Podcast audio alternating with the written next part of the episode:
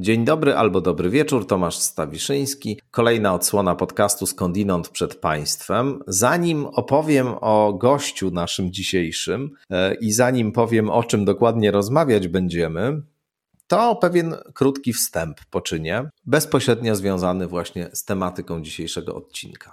Otóż już jakiś czas temu pod e, odcinkiem skądinąd y, z rozmową z Piotrem Piotrowskim, odcinkiem numer 3 Astrologia, wiedza czy fikcja. Pod tym odcinkiem zamieszczonym na YouTubie pan Łukasz Zagorski y, wpisał komentarz. Odczytam ten komentarz i pokrótce nań odpowiem. Komentarz brzmi tak: Szok. Czy to jakaś prowokacja? Pan Tomasz, który promuje zdrowy rozsądek, nagle zupełnie poważnie rozmawia z ekspertem w obszarze wiedzy rzekomej.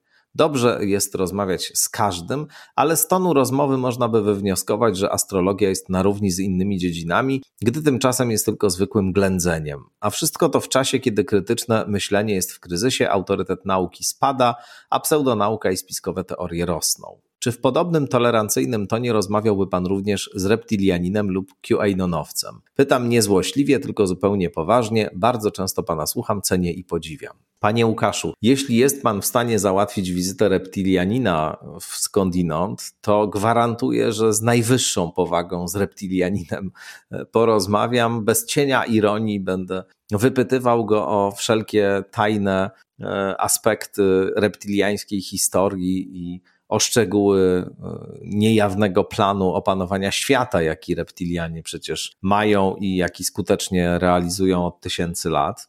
No ale poważnie rzecz ujmując, rozumiem e, ten rodzaj zadziwienia czy sceptycyzmu wobec poruszania tego rodzaju problematyki, ale zarazem chcę jedną rzecz e, wyraźnie zaznaczyć. Otóż ja nigdy nie byłem i nie jestem takim ultra scjentystą, ultranaturalistą, ultraracjonalistą, kimś, kto uważa, że tylko nauka jest interesująca, nic poza nauką w ogóle nas nie powinno interesować. Wszystko, co e, jest, no nie wiem, mitem, religią, ezoteryką, jakimiś sposobami na orientowanie się w świecie, które nie są naukowe, bo są prenaukowe na przykład, albo nie spełniają jakichś kryteriów, no że to wszystko jest do wyrzucenia i nie ma się tym co przejmować. Oczywiście jest mnóstwo e, rzeczy niewartościowych kompletnie, ale akurat jeżeli chodzi o astrologię, to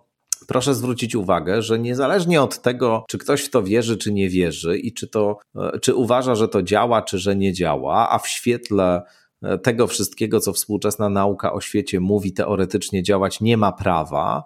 Więc niezależnie od tego, to po pierwsze jest e, pewna rozległa tradycja, głęboko wrośnięta w historię zachodniej kultury i nie tylko zachodniej, bo prawie każda kultura miała jakąś astrologię. Po drugie, to jest pewien kompletny światopogląd. Można go odrzucać, można go nie aprobować, ale jest to kompletny światopogląd, podobnie jak alchemia była kompletnym światopoglądem, niezwykle interesującym, bogatym, rozbudowanym y, i też pasjonującym pod względem symboliki, pewnej mądrości, która tam jest zawarta. Nie mądrości polegającej na tym, że ktoś nam powie, jak zamieniać e, ekskrementy w złoto, tylko mądrości polegającej na ujęciu metaforycznym pewnych procesów psychicznych i opisaniu ich za pośrednictwem właśnie tych alchemicznych e, procedur i, i symboli. E, no więc astrologia też jest takim kompletnym światopoglądem, który właściwie w historii Zachodu spełniał funkcję nauki przez długi czas. To znaczy, no, astrologia była wykładana na uniwersytetach i dawała taki rozbudowany opis kompletny wszystkiego. Właściwie za pośrednictwem tych metafor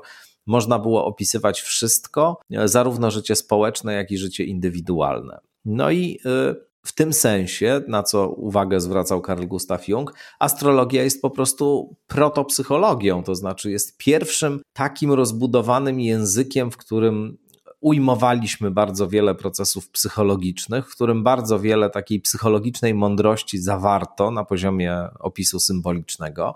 I dlatego w ogóle no, jest to pasjonujący obszar, y, który rzecz jasna oczywiście bywa wykorzystywany w fatalny sposób i bywa narzędziem do tego, żeby ludzi oszukiwać, ale też bywa źródłem wielkiej inspiracji i wiele osób, na przykład Olga Tokarczuk, do takiej fascynacji astrologią jako pewnym mitem, jako pewną sym systemem symboli się, się przyznaje. A ja osobiście uważam, że świat jest dziwny, tajemniczy, osobliwy, że nasz nasze istnienie tutaj jest czymś naprawdę kompletnie e, niezrozumiałym i dziwacznym. E, I dlatego mam pewien szacunek do różnych takich sposobów oswajania się z tym, z, tym, z tą dziwnością i z tym wszystkim, pod warunkiem oczywiście, że nie miesza się porządków i nie udaje się, że jest to wiedza empiryczna, jest to wiedza weryfikowalna przy pomocy metod eksperymentalnych i w ogóle w taki sposób powinniśmy o niej sądzić. No nie. Tak oczywiście nie jest, jest to zupełnie w innym porządku. A mówię o tym dlatego, że nasz dzisiejszy gość, Dariusz Misiuna, to jest właśnie ktoś, kto porusza się w tych różnych dziwnych rejestrach, w różnych e, nieuczęszczanych zbyt często rejonach kultury, o kultury raczej, E, człowiek, który e, przetłumaczył bardzo wiele książek z zakresu i tradycji ezoterycznej, i kultury psychodelicznej, i kontrkultury, i alternatywnych duchowości. I mam wrażenie, że Darek uosabia właśnie taki rodzaj z jednej strony buntu wobec zastanego status quo, wobec tych wszystkich pozornie oczywistych sposobów myślenia o świecie i życia w świecie, jakie się nam oferuje, a z drugiej strony to jest bunt bardzo twórczy. To, to jest bunt, który rzeczywiście owocuje taką niezwykle. To jest bunt, który rzeczywiście owocuje taką niezwykle bogatą, myślowo, ideowo działalnością. Tak bym, tak bym to powiedział. No właśnie, Dariusz Misiuna, socjolog, publicysta, wydawca, założyciel wydawnictwa Okultura, które obchodzi dwudziestolecie istnienia właśnie. Dokładnie wczoraj obchodziło 1 maja dwudziestolecie istnienia.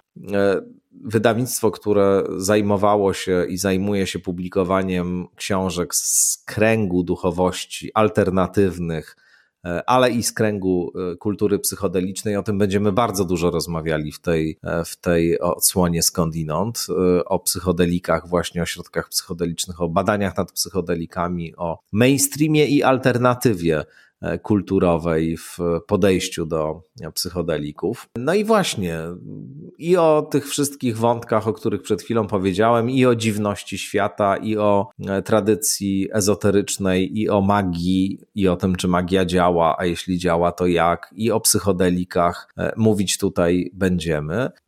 I mam nadzieję, że to będzie dla Państwa ciekawa historia i ciekawa rozmowa. I proszę się nie obawiać, proszę się nie obawiać. Nic tutaj takiego się nie dzieje, co by powodować miało zaniepokojenie racjonalistów, że, że oto wbrew racjonalizmowi, wbrew e, pewnym regułom postępowania e, z rzeczywistością, cokolwiek się tutaj dzieje. Racjonalizm tak, nauka absolutnie to podstawa, bez tego ani rusz, ale można sobie też czasem pofantazjować, można sobie puścić wodze wyobraźni, można popłynąć trochę w, i tym się tutaj będziemy zajmowali w tej rozmowie. Ale nauka tak, racjonalizm tak, ale to nie jest wszystko. Jest jeszcze twórczość, jest jeszcze sztuka, jest jeszcze transgresja, są jeszcze e, całe niesamowite krainy wyobraźni, które można na różne sposoby eksplorować, byleby wiedzieć co i jak, byleby rozróżniać odpowiednio, nie mieszać porządków, nie mylić nauki z nienauką, nie nauki z nauką, religii z niereligią, niereligii z religią i tak dalej, i tak dalej. Myślę, że ta rozmowa, ta działalność Dariusza Misiuny, który niestrudzenie różne formy kontrkultury e, i kultury alternatywnej przyswaja e, polskim czytelnikom, jest ze wszechmiar interesująca i godna Państwa uwagi. No i dlatego właśnie już nie przedłużam i zapraszam na rozmowę z Dariuszem Misiuną. Dariusz Misiuna, gości w podcaście Skądinąd. Dzień dobry, Darku. Dzień dobry wieczór, Tomku i wszyscy w koło. Cieszę się bardzo, że się spotykamy tutaj. Znaczy, spotykamy się w ogóle często i w różnych okolicznościach, nie ma co tego ukrywać, ale fajnie, że się spotykamy właśnie w Skądinąd, bo już od dawna się zamierzałem, żeby z Tobą porozmawiać i ciągle coś tam wychodziło po drodze. Nie mogliśmy się zgrać, jeśli chodzi o o takie nagranie, no ale właśnie się udało i bardzo się cieszę, bo przy okazji udało się to zrobić i z okazji, i e, przy okazji 20. rocznicy urodzin wydawnictwa Okultura, które jest Twoim magicznym dzieckiem. Więc o wydawnictwie Okultura sobie porozmawiamy i o okulturze, rzecz jasna, hmm. jako takiej też. E, no to powiedz o tych e, dwudziestych urodzinach. Jak się czujesz, mając 20 lat? Czuję się dobrze, ponieważ dzięki temu mogę się odmłodzić, co niewątpliwie jest E, duży plus e, tego rodzaju mm, okazji. E, no cóż, no mamy wiadomo sytuację w koło chwilami niewesołą, czasami nawet bardzo niewesołą, ale dzięki takim świętom osobistym, które uzmysławiają nam, że, że nasz na, nasze bytowanie tutaj w tym świecie e, posiada różne wymiary czasowe, czyli nie tylko wymiar czysto biograficzny, ale niekiedy dzieją się w biografiach tego rodzaju historie, które pozwolą nam transcendować nasz e, osobisty, egotyczny moment e, i jakoś go w tym samym e, sposobie wydłużać e, albo w ogóle zawieszać w czasie. No i tak trochę się czuję, tak czuję się taki zawieszony między dwiema perspektywami, taką perspektywą życia codziennego człowieka już powiedzmy mocno w sile wieku oraz kogoś, kto 20 lat temu nie sam, co warto podkreślić, spłodził magiczne dziecko wydawnicze w porywie pasji, e, fascynacji i chęci no, zmienienia czegoś wokół siebie w świecie, w świecie wydawniczym przynajmniej, z którym już wówczas obcowałem. Wcześniej tłumaczyłem trochę książek, dużo artykułów pisałem do ro rozmaitego rodzaju e, czasopism, no ale nie znajdowałem do, e, miejsca dla pełnej realizacji świata idei, które są mi bliskie i i podjąłem tę decyzję mm, w pewien późno kwietniowy poranek. Postanowiłem pójść do urzędu wówczas bodaj gminy Warszawa Targówek i zarejestrować wydawnictwo z datą 1 maja. Myślałem, że święto majowe z racji pewnego wydźwięku płodnościowo-pogańskiego z jednej strony, z drugiej strony kojarzące się jednoznacznie ze świętem pracy będzie, będzie takim zabawnym przyczynkiem do rozpoczęcia nowej przygody. Nie spodziewałem się, że ona będzie trwała tak długo, ale w tej chwili nie wyobrażam sobie, żeby mogła zostać przerwana w, w jednej chwili. Myślę, że jeszcze, jeszcze się pobawimy.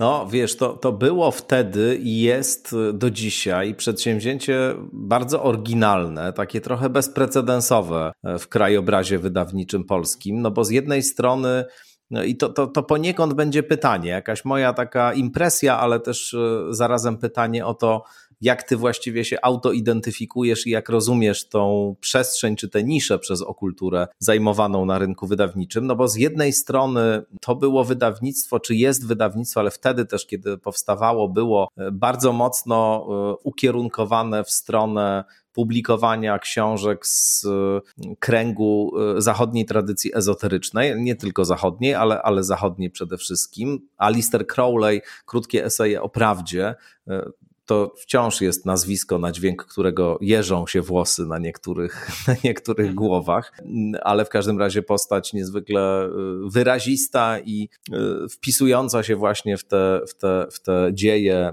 zachodniej ezoteryki, zachodniej magii, jakiejś alternatywnej kultury, alternatywnej duchowości.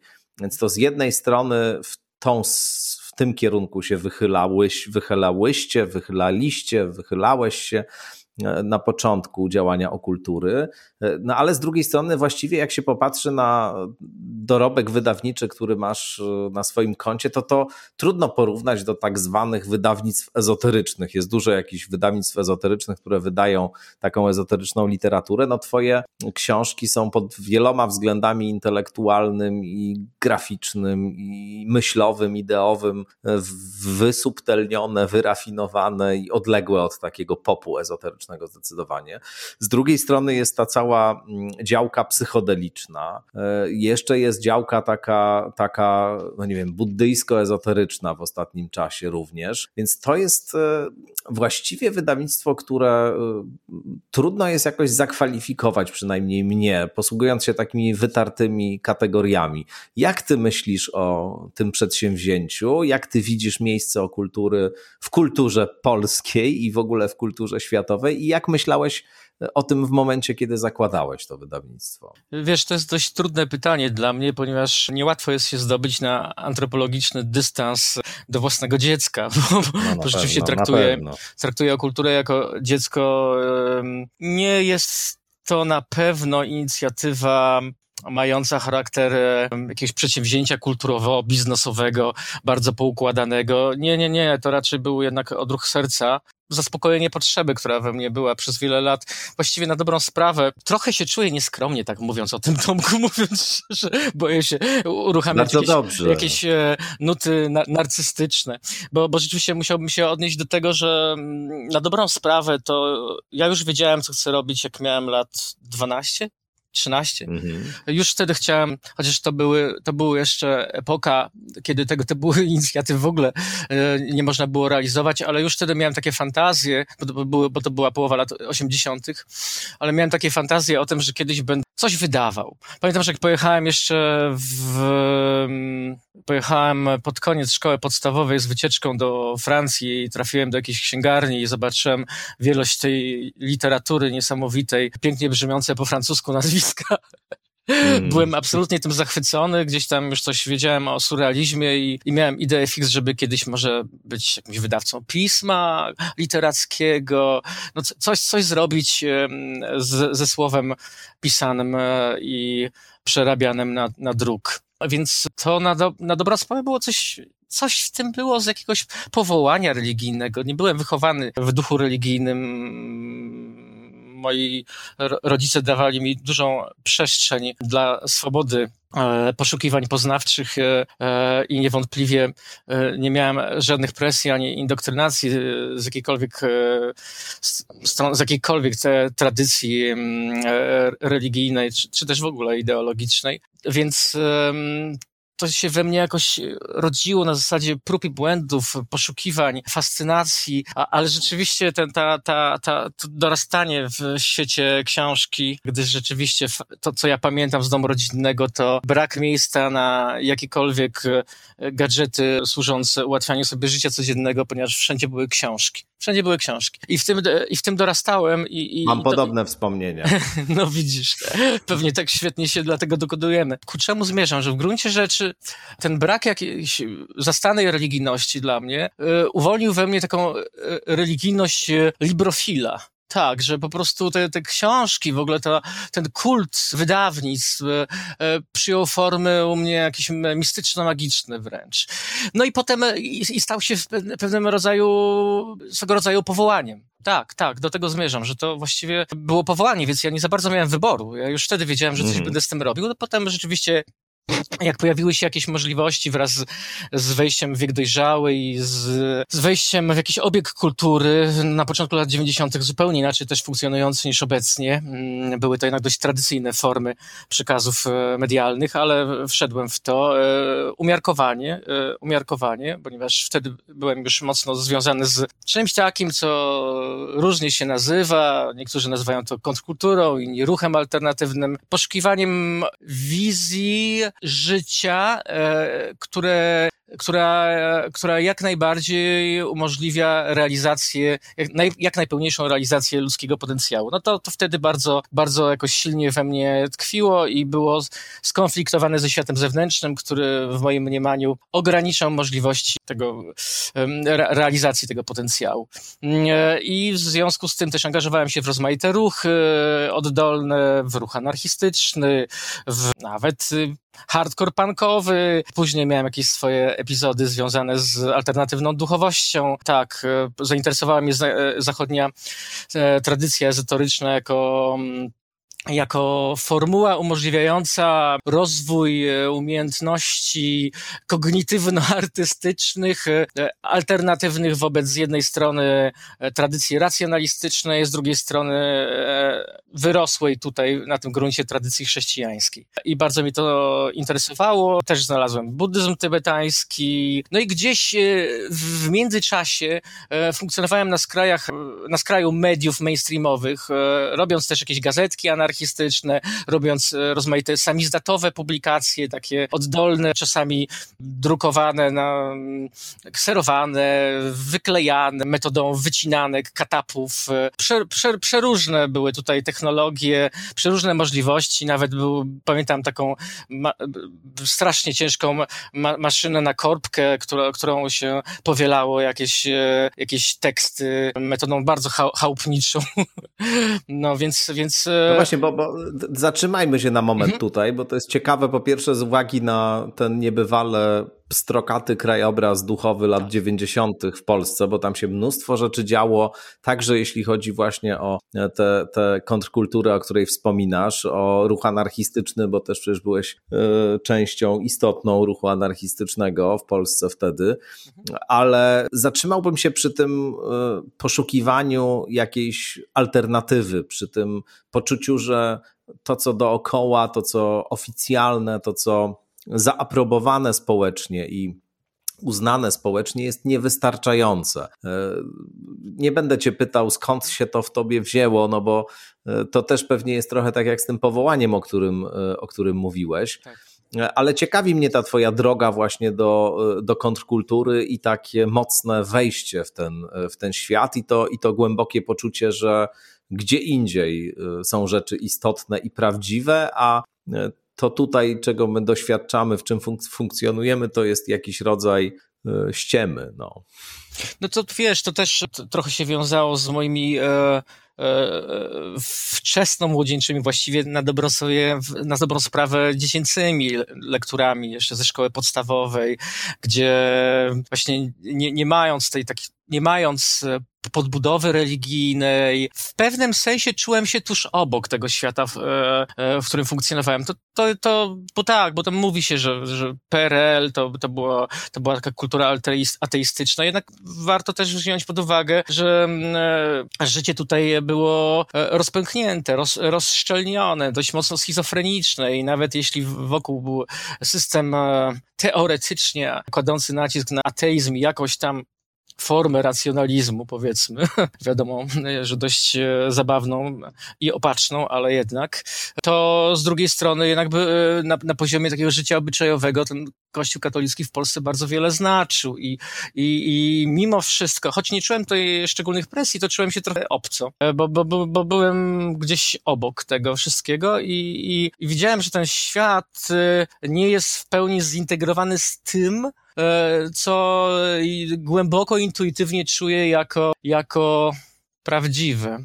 Pewnie tak. No to wiesz, tak e, przemyśliwuję sobie to na bieżąco, bo, bo, bo, mm, bo się zmuszasz mnie do pewnych, skłaniasz mnie do pewnych roz, rozmyśleń, e, e, nad którymi się tak nie, nie zastanawiam na co dzień, bo raczej, raczej, mm. raczej bardziej mi, no jestem pogrążony w takim czynie. Wiesz, nie, ale, nie ale o, ile, o ile to jest, powiedziałbym, taka ścieżka, no nie chcę, nie chcę rzec oczywista, ale w każdym razie jakoś oswojona, znana, ta ścieżka powiedzmy od tego poczucia, które e, relacjonujesz do kontrkultury, no do anarchizmu na przykład, do jakichś form alternatyw politycznych dla tego status quo politycznego, w którym żyjemy, to to jest wszystko dosyć e, regularne, oswojone i znane. Natomiast e, bardzo ciekawy u ciebie jest ten skok w kierunku właśnie tradycji ezoterycznej, mhm. magii, różnych tego mhm. typu przedsięwzięć czy światopoglądów, które właśnie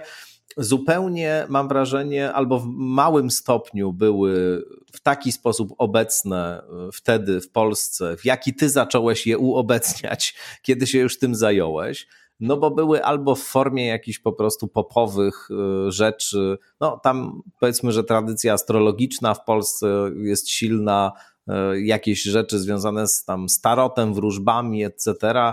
Jakbyśmy tam głęboko się gdzieś nachylili nad historią ezoteryki w Polsce i różnych, różnych alternatywnych duchowości, to tego oczywiście dużo znajdziemy, ale tak generalnie to, to, to, to ten rodzaj, ten rodzaj duchowości, którą ty zacząłeś, za którą zacząłeś podążać, którą zacząłeś propagować w latach 90., właśnie był słabo obecny. I ten moment przejścia e, w tym kierunku i właśnie wyboru tego typu e, dyskursu, tego typu perspektywy jako kon kontynuacji tej kontrkulturowej drogi dla mnie jest bardzo ciekawy. Już trochę o tym powiedziałeś, ale chciałem cię namówić, żebyś to rozwinął trochę. Jasne, jasne, jasne. To, to prawdopodobnie, e, e, to wiesz, jest tutaj bardzo dużo kontekstów, znaczy, bo, bo są konteksty socjologiczne, dlaczego było tak, a nie inaczej. No ale to prawdopodobnie moglibyśmy poświęcić temu całkiem odrębną dyskusję, jeśli, bo moje poszukiwania, e, ja, ja, zupełnie od innej strony e, podchodziłem do, do, do takich zagadnień jak e, ezoteryka, okultyzm, niż to było promowane w Polsce przełomu lat 80. i 90. Nie mówię, że nie było, nie były, nie było ludzi tutaj, że nie były takie osoby tutaj obecne, które by tego wcześniej nie robiły w podobny sposób co ja.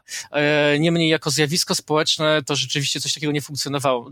Moje dojście do tych e, zagadnień było gestem, e, który wyszedł z, ze strony właśnie tradycji, o ironię, tradycji krytycznej, myślenia krytycznego oraz krytyki społecznej, kontrkulturowej krytyki społecznej. Plus niewątpliwie miało to znaczenie moje fascynacje szeroko pojmowanym ruchem rozwoju ludzkiego potencjału. Z tym, że, że mnie bardzo frapowało to, jak przebywałem wśród anarchistów, że tak e, wielki nacisk kładą oni na chęć zmiany społecznej i tak niechętnie odnoszą się do zmiany indywidualnej. Z kolei, gdy patrzyłem na New Age, wydawał mi się on, ten ruch e, Wówczas, wówczas zresztą w, Polsce może nawet nie funkcjonujący pod tą nazwą, tylko była to taka siermierzna ezoteryka, psychotronika transplantowana głównie ze wschodu bliskiego, bardzo bliskiego, czyli z Rosji te, te wszystkie kwestie, e, a, a i właśnie e, z kolei... Tam było odwrotnie. To, tam było Nacisk odwrotnie. Na tam, tam był, indywidualną, tak, a zero się, zainteresowania sferą społeczną. Zmień siebie, a zmienisz świat. No, okej, okay, jasne, coś z tym jest, ale mnie to nie, mm, nie spełniało. Szukałem e, takiego rozwiązania, w którym e, nie będzie się przeciwstawiało zmiany społecznej, zmianie indywidualnej, która będzie zintegrowana.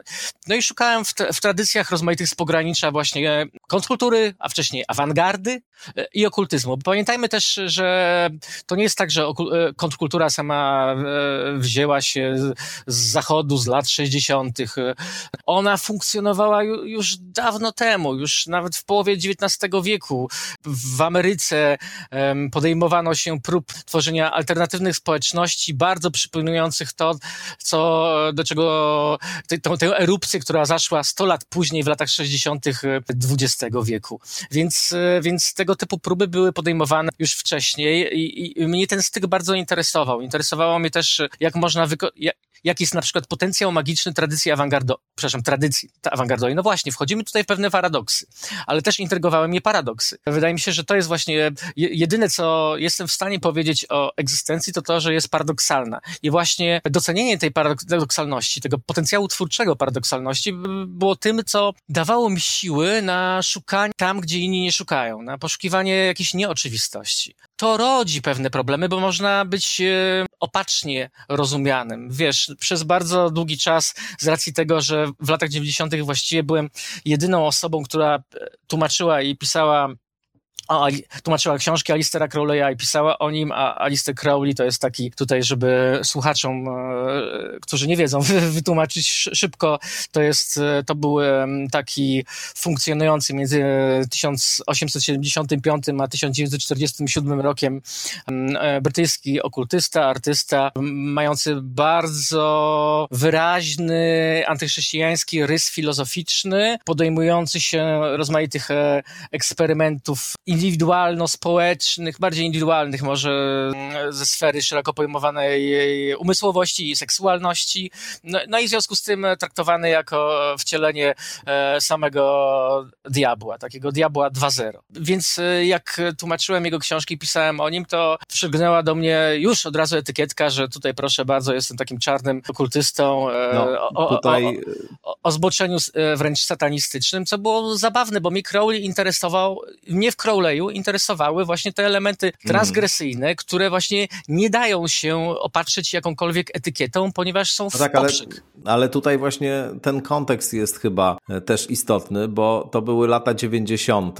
Wtedy się ukazywały twoje tłumaczenia różnych książek Crowleya, jeszcze nie publikowane pod egidą okultury, tylko różnych innych wydawnictw i Przecież to był czas funkcjonowania wszystkich tych dominikańskich ośrodków informacji o sektach, paniki moralnej wokół, wokół e, sekt właśnie w Polsce.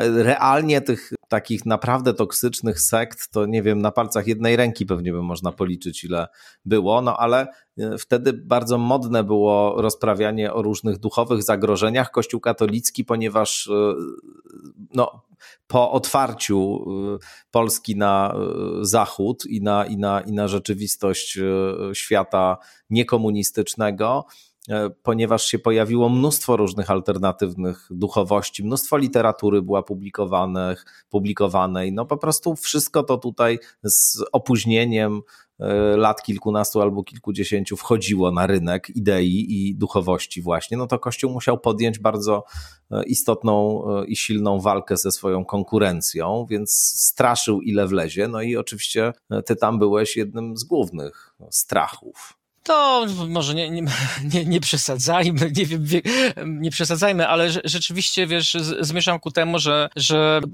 no, motywacje mną e, kierujące, znaczy kierujące moimi wyborami ideowymi i, i, i tym, co chciałem przybliżać później e, czytelnikom, wiązały się z tym, że zależało mi na tym, żeby znaleźć pewną alternatywę właśnie wobec tego, tego klinczu, w którym e, tutaj funkcjonujemy, czyli przekonania, że albo jesteśmy czysto racjonalnymi istotami, tutaj odwołujemy się do tradycji oświeceniowej i, i e, ogólnie rzecz biorąc e, wierzymy w rozum, a, a, wszystko co złe bierze się z tego, że czasami e, tego rozumu nam nie starcza, albo zawierzamy, zawierzamy wszystkiego, wszystkiemu, wszystkiego Bogu i jego, i jego tutejszym instytucjonalnym handlarzom w postaci rozmaitych tych instytucji religijnych e, dysponujących wiarą i, i stemplujących świadectwa e, by, bycia e, wiarygod, wiar, dosłownie wiarygodnym, wiarygodnym.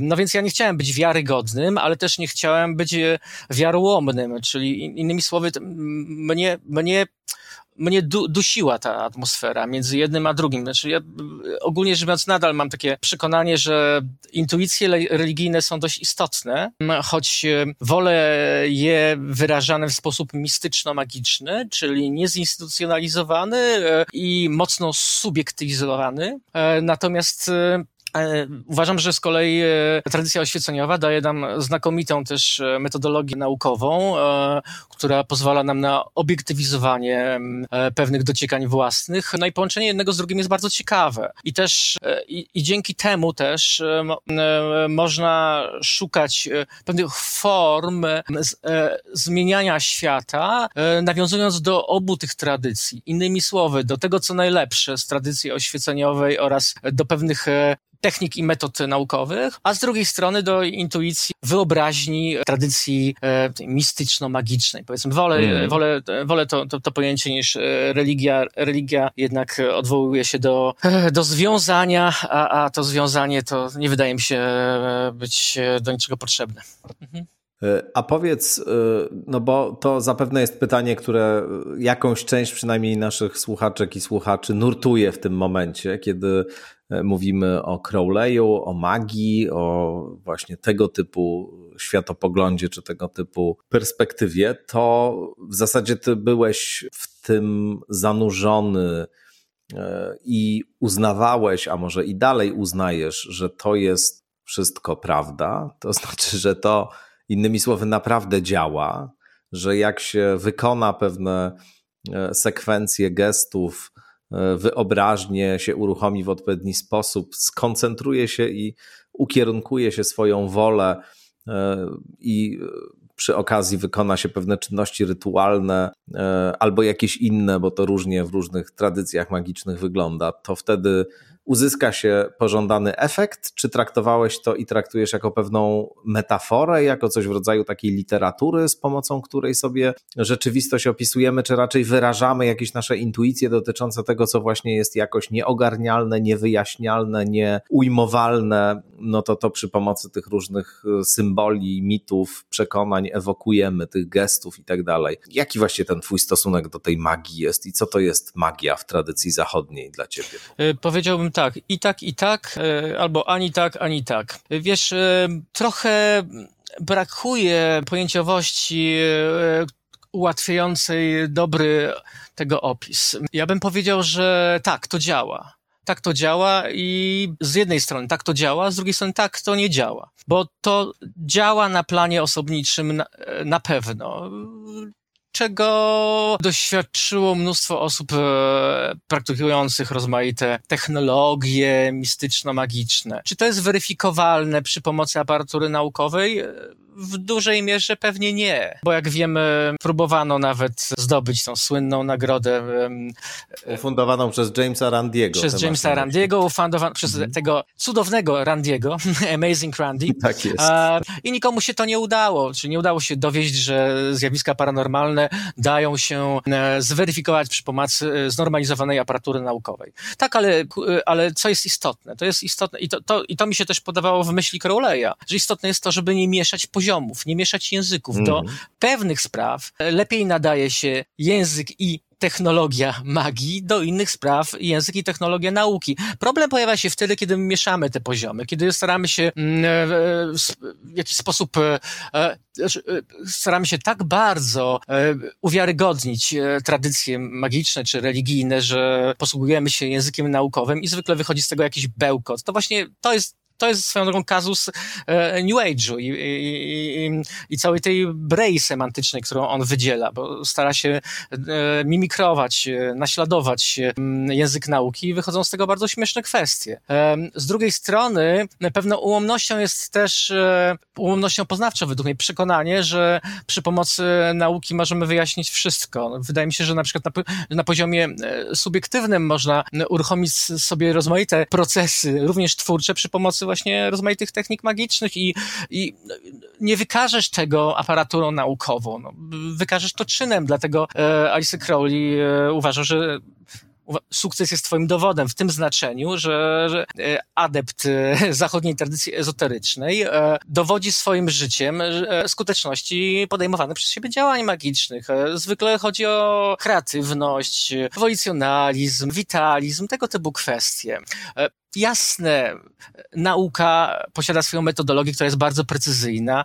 Tymczasem w przypadku świata magii mamy do czynienia w dużej mierze z czymś bardzo chaotycznym i intuitywnym, więc e, trudno tłumaczyć jedno przez drugie i myślę, że to jest duży błąd. Myślę, że właśnie e, cudowność świata nas otaczającego polega na tym również, że posiada on niesamowitą ilość różnych wymiarów, że mamy ten wymiar artystyczny, mamy wymiar e, magiczny, naukowy. One odwołują się do różnych, do różnych elementów naszych umiejętności poznawczych. Nie wiem, e, czy przy pomocy e, nauki można stwierdzić, co myśli mrówka, natomiast jestem pewien, że gdybyś e, porozmawiał z szamanami w Ameryce Południowej, to oni ci powiedzą dokładnie, o, czym myśli mrówka i bardzo możliwe, że będą potrafili się nawet z nią, z nimi, z mrówkami porozumiewać. Więc to są kwestie Kiedyś miałem, nawet powiedziałbym tak, daw, dawniej miałem takie poczucie, że wiele rzeczy wiem i że mogę um, formułować dość jasne odpowiedzi na, na, na, pewne kwestie. Obecnie coraz więcej jednak e, mi zajmuje mówienie nie wiem i, i cieszę się z tego, że świat jest pełen tajemnicy. No,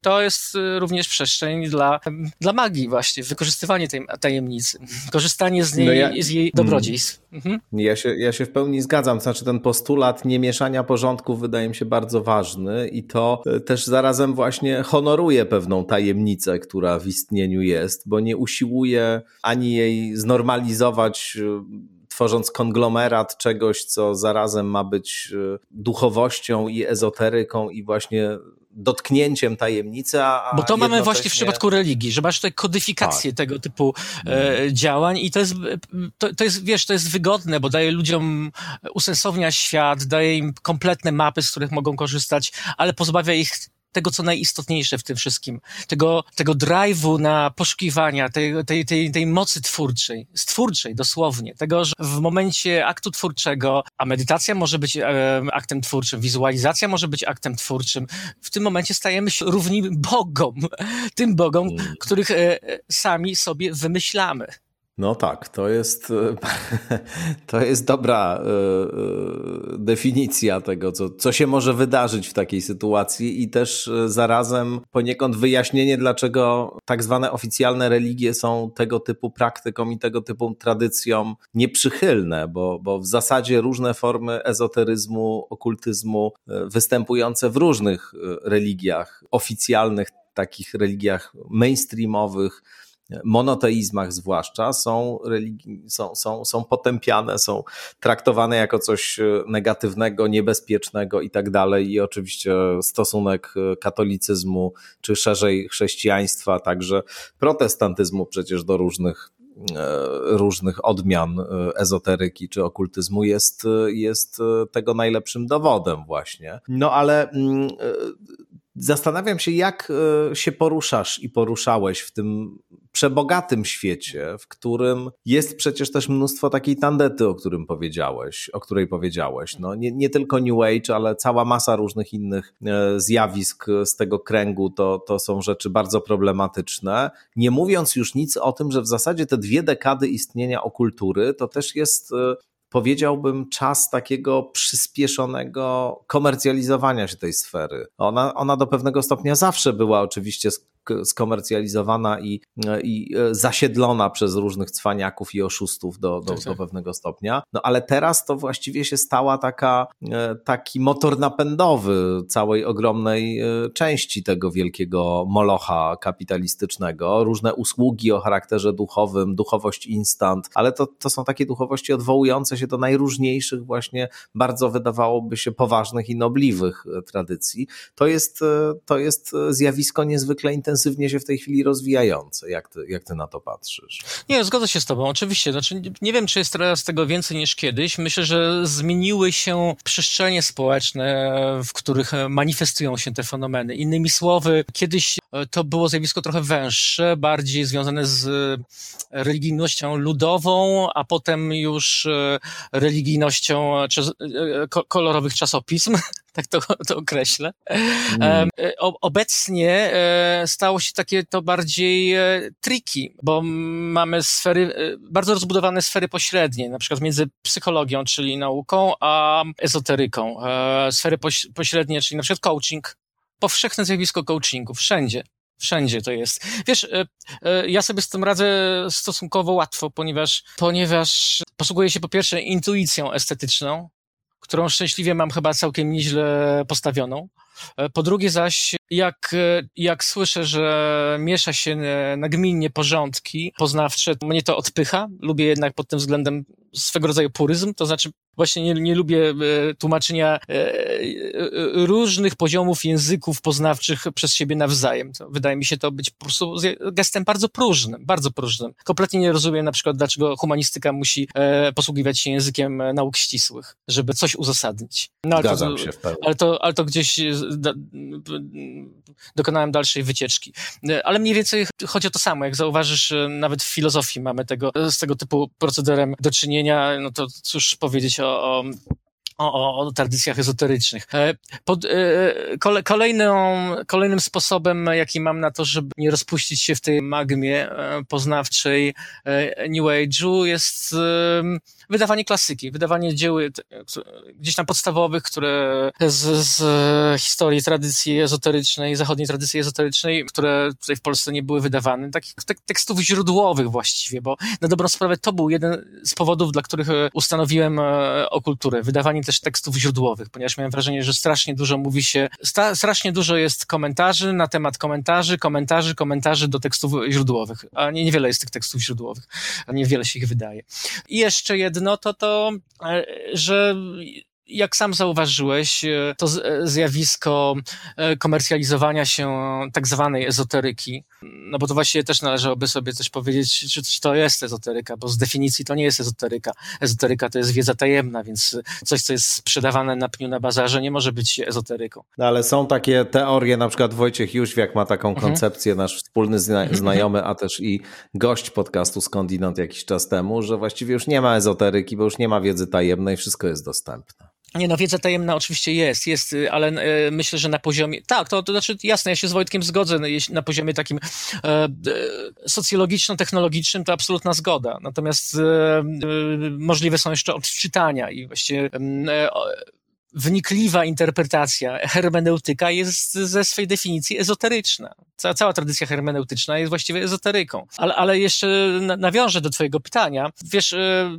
staram się, znaczy udaje mi się uniknąć tych pułapek, jak mi się zdaje, chociaż jasne, to znowu nie mam do siebie dystansu antropologicznego, ale jak mi się zdaje, udaje mi się to, e, tego uniknąć dzięki temu, że nie, w ogóle chcę funkcjonować jak, naj, w jak, jak najmniejszej mierze w tym porządku kapitalistycznym znaczeń. Czyli nie, nie interesuje mnie e, sprzedawanie czegoś na siłę, nie interesuje mnie e, śrubowanie nakładów, nie interesuje mi wydawanie książek, które kosztem treści chcą osiągnąć jak najlepsze wyniki sprzedażowe. Innymi słowy, na przykład e, bardzo irytuje mnie zjawisko, ostatnio bardzo popularne, wydawania książek na ten sam temat, który był wcześniej poruszany, tylko jest on rozwodniony, jest, e, jest e, podany w sposób bardziej populistyczny, no i to się dobrze sprzedaje. Natomiast kosztem treści, znaczenia, często są tego typu, ostatnio zauważyłem, że coraz częściej jest tego, coraz więcej jest tego typu publikacji, czyli generalnie autorzy na, piszą o tym samym, co dawniej się E, co dawniej pisali inni autorzy, natomiast podają to w sposób e, bardzo taki rozwodniony, wygodniejszy, pozbawiony kontrowersyjnych treści, no i dzięki temu lepiej sprzedający. No my tego nie robimy. My tego nie robimy, plus wiesz, też staramy się jakoś e, uciekać przed sukcesem własnym. Innymi słowy, gdy jakieś pole jest już zagospodarowane i, i zauważamy, że, że ono gdzieś tam przedostało się szerzej do świadomości społecznej, to, to zajmuje się, się, się czymś innym. Ja mam też wewnętrzną taki odruch, odruch zwrotny na popularność. Jakoś e, jasne, skłamałbym mówiąc, że nie chciałbym e, mieć jakiegoś wpływu społecznego. Pewnie chciałbym, no niepozbawiony jestem tej próżności, ale, ale kiedy coś się staje naprawdę popularne, to, to mnie to nudzi, no. Po prostu mnie to nudzi. In, innymi słowy, jak, jak zresztą doskonale wiesz, bo też e, jesteś blisko i obserwujesz e, ewolucję okultury, no właściwie rozmawiamy już dość długo, a, a, cały czas mówimy właściwie o samym początku, o tych korzeniach okultystycznych, ale okultura e, za, potem e, po naszych pierwszych książkach, które naraziły nas trochę na stygmatyzację, bo wydawaliśmy Crowley'a, Laveya, Ostina Osmana, Osmana e, e, zaczęliśmy poszerzać e, sferę naszych zainteresowań, wydawać książki właśnie z tradycji, ciągle mówię o tych tradycjach, ale w sumie to jest miłe słowo, ponieważ nawiązuje do pewnej ciągłości i też jest obarczone tym tym paradoksem. Tradycji kontrkulturowej, zaczęliśmy wydawać książki z tradycji kontrkulturowej i właściwie na dobrą sprawę jako pierwsi w Polsce były tam nielicz, nieliczne przypadki wcześniej, ale właściwie jako pierwsi w Polsce zaczęliśmy wydawać książki na temat doświadczenia psychodelicznego, na temat antropologicznych, psychologicznych i psychoterapeutycznych kontekstów doświadczeń psycho, e, psychodelicznych oraz e, na temat samych roślin i substancji zmieniających świadomość. Mm, na dobrą sprawę w ciągu 20 lat wydaliśmy tych pozycji kilkanaście, e, więc biorąc pod uwagę, że temat stał się obecnie bardzo nośny, możemy czuć się spełnieni, bo jest to jeden jedno z zagadnień, które poruszaliśmy tutaj w kraju jako pierwsi, więc w gruncie rzeczy teraz mm, fakt, że mm, przebija się teraz to do głównego nurtu może tylko e, nas radować, ale też szukamy w związku z tym innych rozwiązań, innych rozwiązań, które mm, nie będą nas skazywały na łatwy sukces, czyli czyli wiesz, no, szukanie autorów dzieł nieoczywistych, którzy,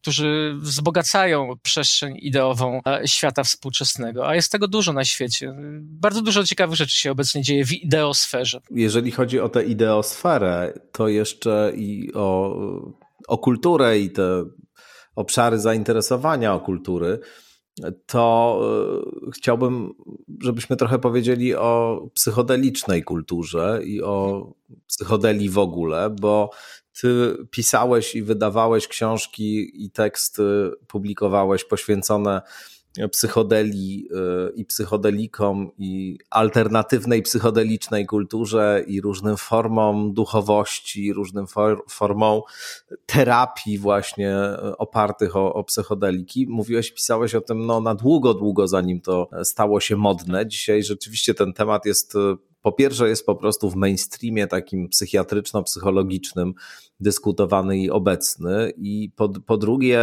wydaje się tych książek bardzo, bardzo wiele.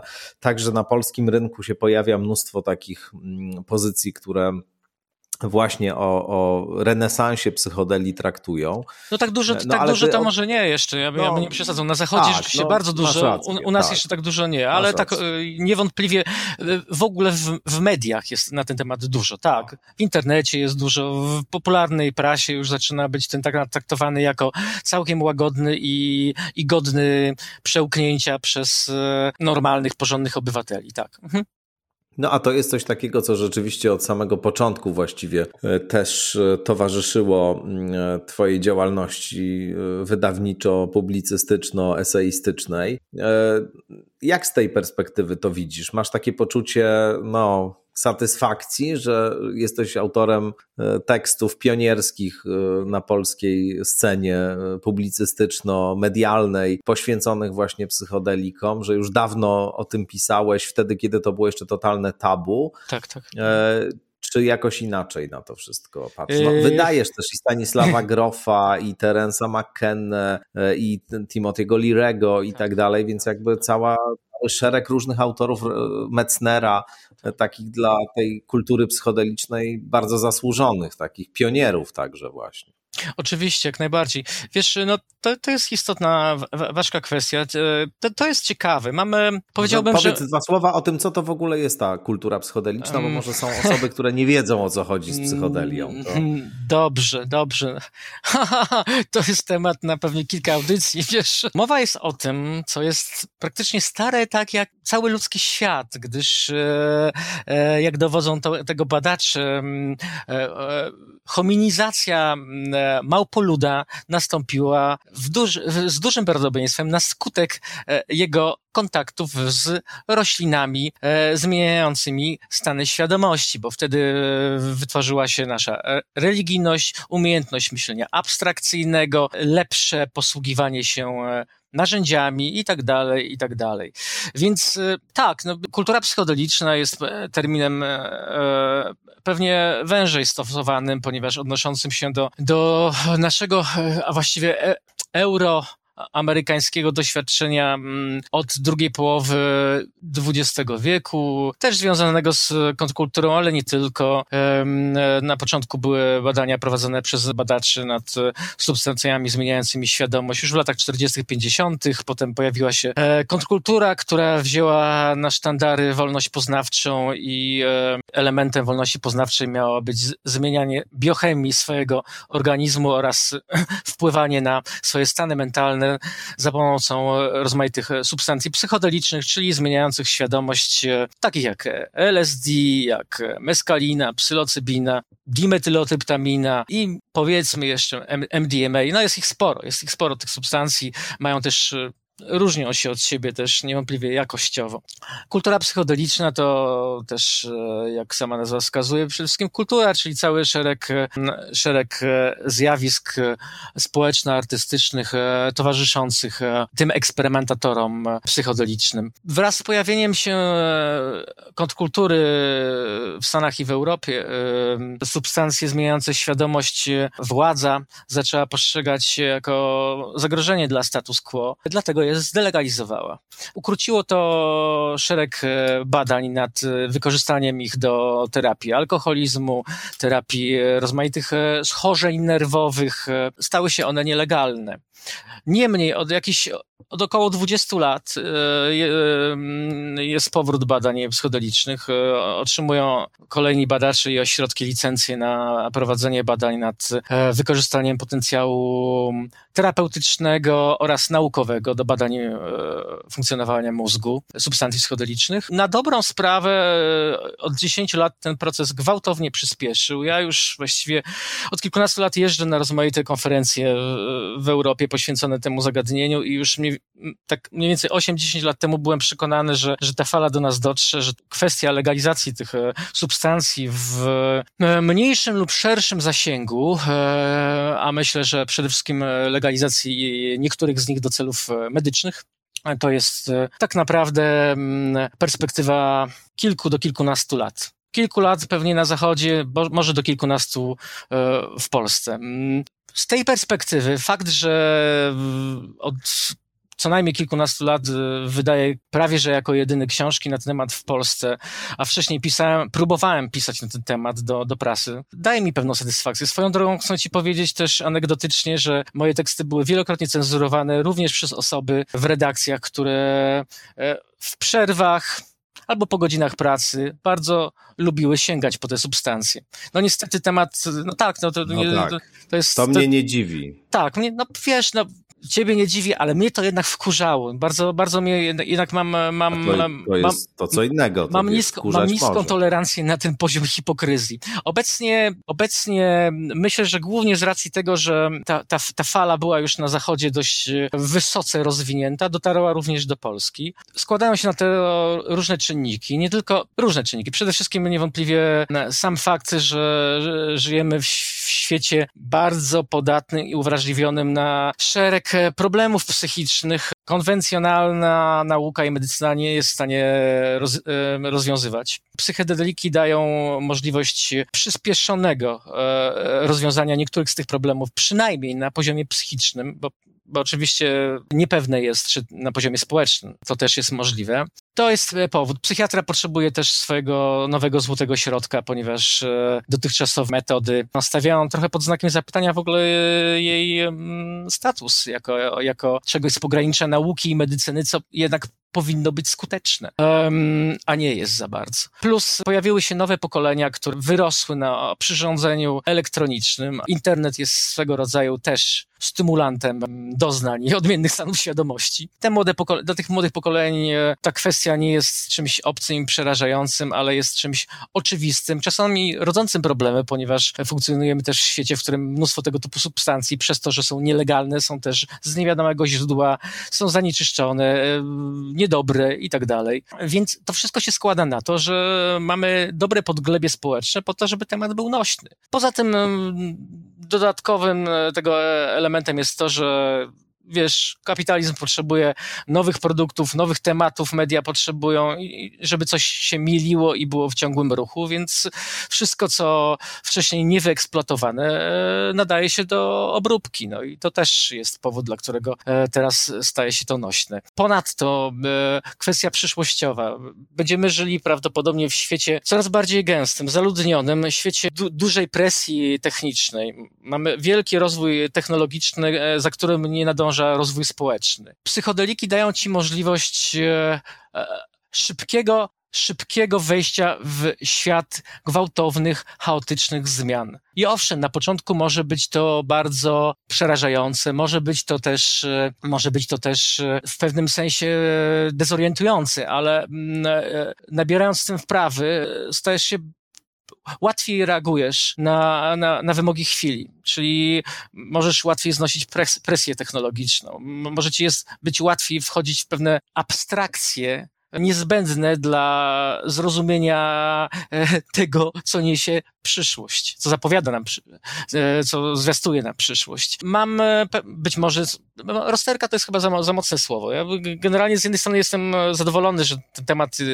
stał się nośny, że, że można rozmawiać na ten temat otwarcie, że nie trzeba udawać, że nie trzeba mieć już tekstów cenzurowanych.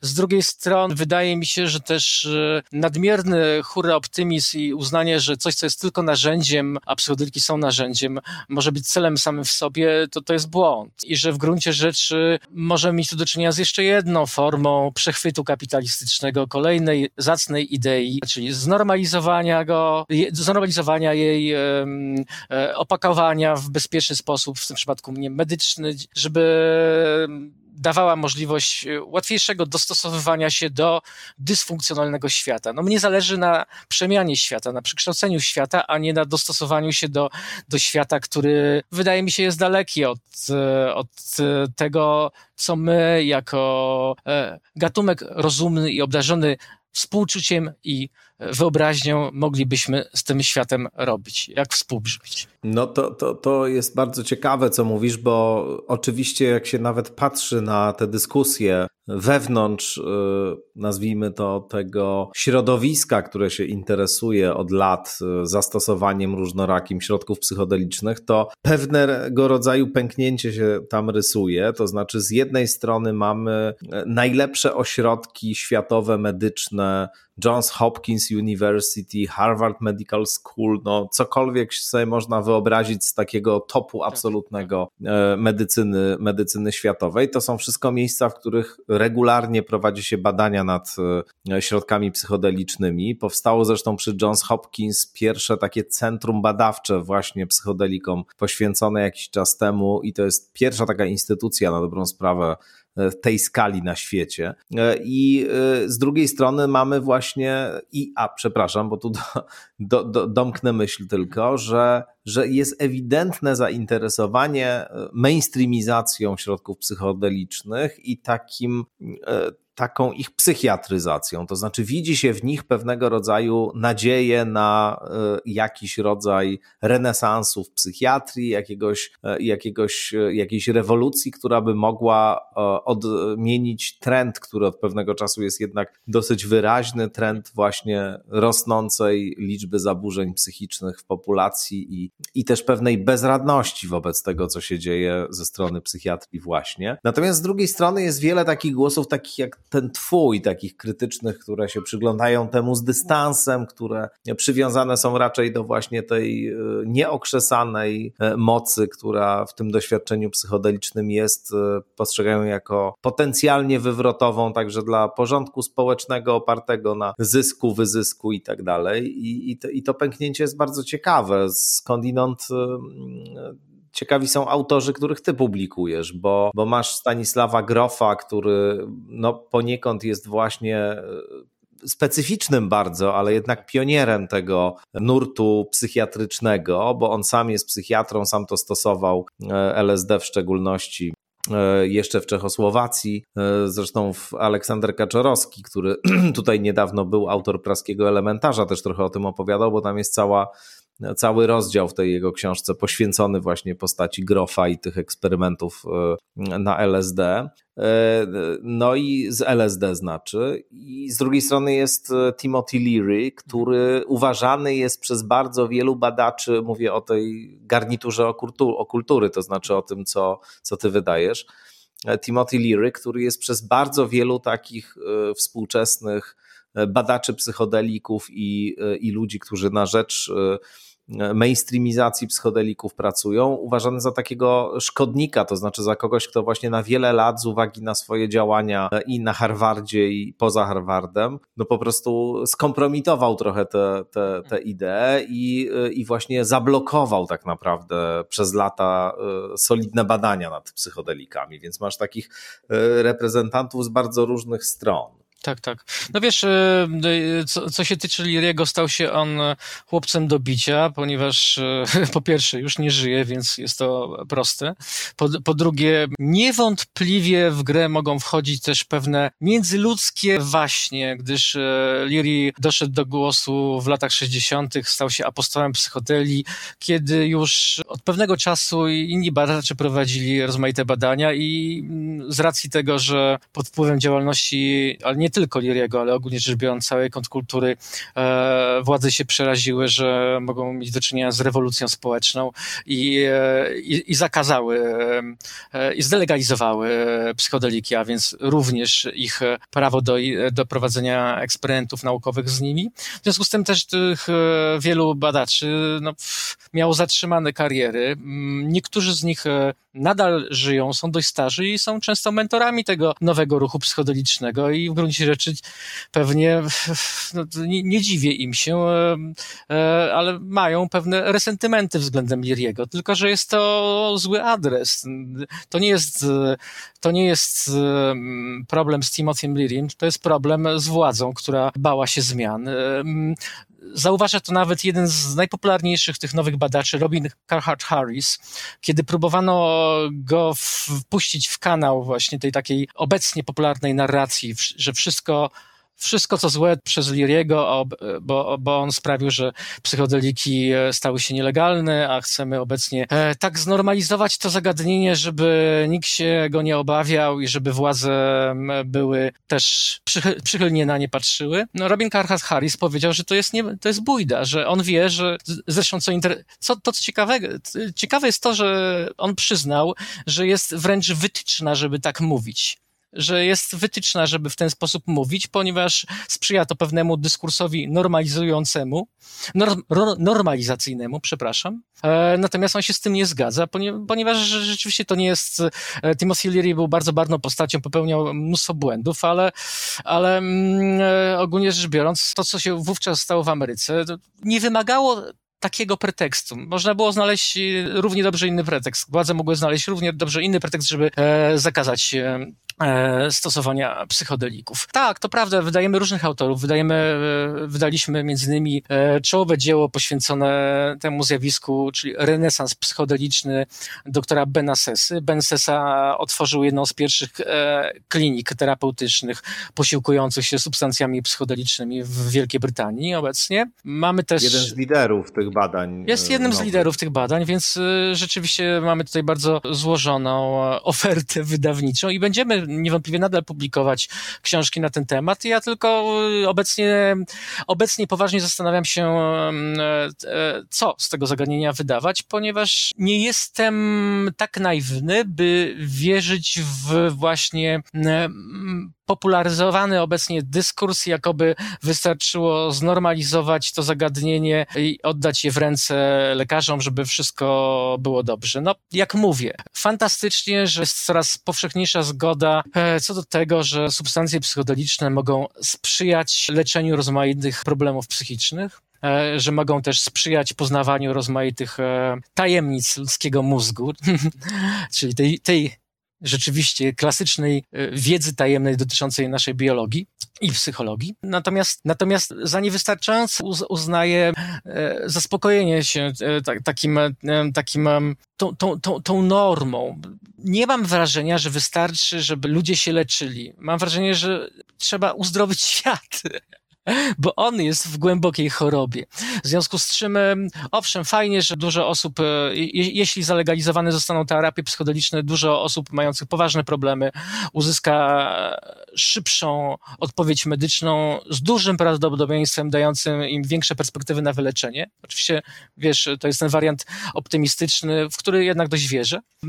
Z drugiej jednak strony nie chciałbym, żeby to stało się kosztem innych, bardzo istotnych według mnie wartości poznawczych, jakie daje doświadczenie psychodeliczne. Innymi słowy, e, bardzo dla mnie realistyczny jest taki scenariusz, w którym e, zalegalizowane zostaną psychodeliki, a jeszcze bardziej e, do celów medycznych, a jeszcze bardziej nielegalne będą psychodeliki dla tych wszystkich, którzy chcą z nich korzystać jako z narzędzia poznawczego lub rekreacyjnego. Słuchaj, to żeby podsumować te różne wątki, które poruszaliśmy, bo było mhm. ich wiele, ale wszystkie je łączy ten wątek alternatywy czegoś, co jest w poprzek y, pewnych zastanych epistemologii, zastanych ontologii, tak. E, czyli zastanych po prostu przekonań co do tego, jaki świat jest i jakimi sposobami do, do różnych mhm. aspektów siebie i świata mhm. możemy dotrzeć. E, to bym e, Cię zapytał o coś, co jakoś mi zabrzmiało w tym, co mhm. powiedziałeś istotnie, czyli właśnie o te kwestie uleczenia świata, nazwijmy to. Na ile sądzisz, że to marzenie, które jakoś jest w nurtach rozmaitych kontrkulturowych, także w tym wymiarze, y, nazwijmy to, ruchu psychodelicznego, który akcentuje społeczną zmianę, a nie koniecznie orientuje się właśnie wyłącznie na, nie wiem, redukowanie objawów za pomocą trochę innych e, środków, aniżeli te aktualnie dostępne w obiegu.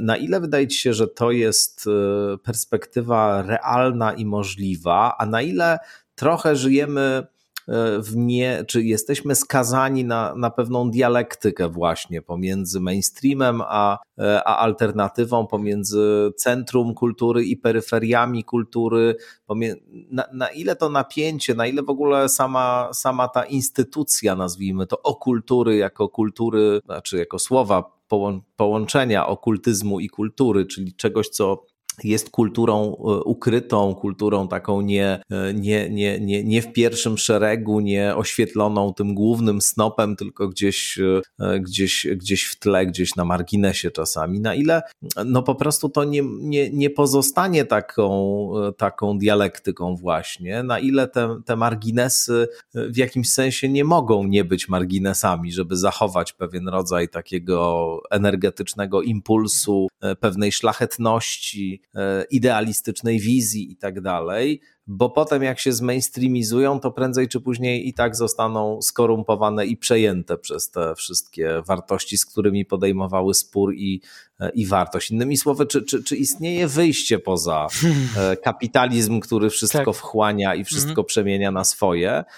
I, i, i, I czy to nie jest, no, czy, czy, czy, czy istnieje wyjście? O tak. Chyba muszę ci odpowiedzieć, że nie wiem, bo to jest trochę jak wróżenie z fusów. Bardzo mi się podoba maksyma i e, nic nie jest oczywiste, wszystko jest możliwe i tym się kieruję w życiu. Nic nie jest oczywiste. Nie wiem, bardzo możliwe, że jest tak, jak mówisz. Żyjemy rzeczywiście w świecie kapitalistycznej apropriacji, gdzie wszystko jest e, przechwytywane. Może dlatego tak też intuitywnie uciekam od sukcesu i chcę być gdzieś na skraju cały czas. Niemniej mam takie poczucie, że nowoczesne technologie dające możliwość e, proliferacji idei, mnożenia ich e, rozmaitymi kanałami dostępu, dzięki czemu też, e, no, oczywiście to niestety wymaga sporej selekcji i uwagi, ale z drugiej strony rzeczywiście dostęp do wszelakich idei jest znacznie powszechniejszy, umożliwiają też tworzenie wielości mikroświatów. No, oczywiście one nie są nigdy do końca suwerenne, ale myślę, że można osiągnąć swego rodzaju autonomię. I, i zakładam, że gdyby ta sieć autonomicznych e, mikrokontrkultur, okultur poszerzała się, rozwijała właśnie ciekawość świata, krytycyzm, współodczuwanie e, i stałe szukanie czegoś więcej, nie zaspokajanie się oczywistościami, to, to z dużym prawdopodobieństwem możemy żyć w świecie piękniejszym, mądrzejszym, a na pewno bardziej twórczym. Czy tak się stanie? Nie wiem, zobaczymy. Albo i nie zobaczymy. No tak, to jest, to jest e, dobra puenta, na pewno. Bardzo Ci serdecznie dziękuję za to spotkanie. No i życzę jeszcze, nie wiem, tak 10 razy 20, albo 100 razy 20, albo 1000 razy 20, skoro nic nie jest oczywiste i wszystko jest możliwe. No to... Tak, dziękuję. No, hmm. Wydaliśmy jak dotąd, może to nie jest dużo, bo 70, 70 książek. Mamy w planach znacznie więcej. Oczywiście zachęcam do zapoznawania się z nimi. Pozwolę sobie bezwstydnie na reklamę i odniesienie się do strony naszej www.okultura.pl. Tam można wszystko znaleźć obchodów dwudziestolecia w świecie tak zwanym zewnętrznym niestety nie będziemy pewnie mieli, ale zamierzamy dać sporo ciekawych atrakcji naszym czytelnikom i żeby tak kapitalistycznie podbić i, same, i, i, i właściwie na dobrą sprawę strzelić sobie teraz samobuja, to, to powiem. Myślę, że żyjemy w bardzo ciekawych czasach. E, ja jestem tym naprawdę zafascynowany i, i mimo iż one są bardzo trudne, dezorientujące, to jednak e, gdzieś tam doceniam tę, tę niesamowitą ilość możliwości, jako, jakie dostarcza nam kultura współczesna. Tak. Mhm. Bardzo dziękuję. Dariusz Misiun. I ja Tobie bardzo dziękuję, Tomku. Do widzenia. I Państwu też serdecznie dziękujemy. Wszystkiego dobrego, no i zapraszam na kolejne odsłony skądinąd. Do usłyszenia.